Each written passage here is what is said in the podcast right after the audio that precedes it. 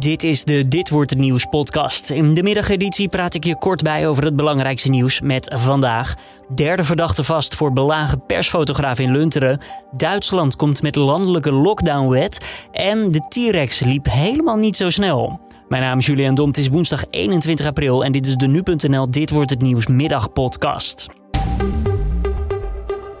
De politie heeft vanmiddag een derde verdachte aangehouden voor de aanval op een fotograaf en zijn vriendin maandagavond in Lunteren. Ze kwamen af op een autobrand en werden vervolgens met auto en al in een sloot gegooid met een shovel.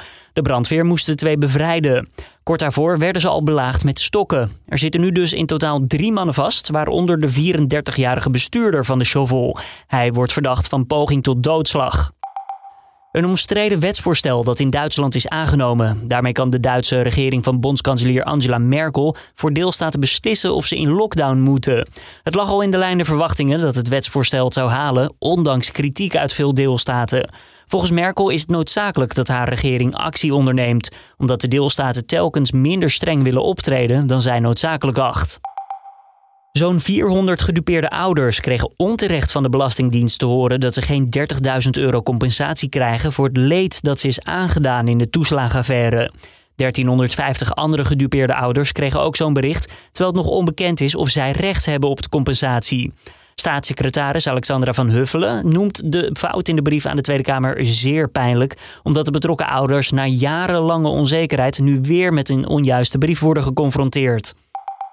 In Ermelo is onrust ontstaan nu Ruinerwoldvader Gerrit-Jan van D. bij zijn jongste kinderen is ingetrokken. Dat meldt Omroep Gelderland. De gemeente wees de kinderen een huis toe en betaalt de huur. Je hoort de burgemeester bij de omroep. Ja, in principe biedt een eh, gemeente hulp aan een ieder die om hulp vraagt, op welk terrein dan ook. Dus eh, vandaar dat het in de lijn lag om ook deze jongvolwassenen of deze kinderen te helpen bij het zoeken naar een, eh, een huurwoning. Dat de vader, die zijn kinderen jarenlang vasthield op een boerderij, daar nu ook woont, zint veel mensen niet. Inmiddels heeft de crowdfundingactie voor de kinderen in ieder geval al meer dan 4 ton opgebracht.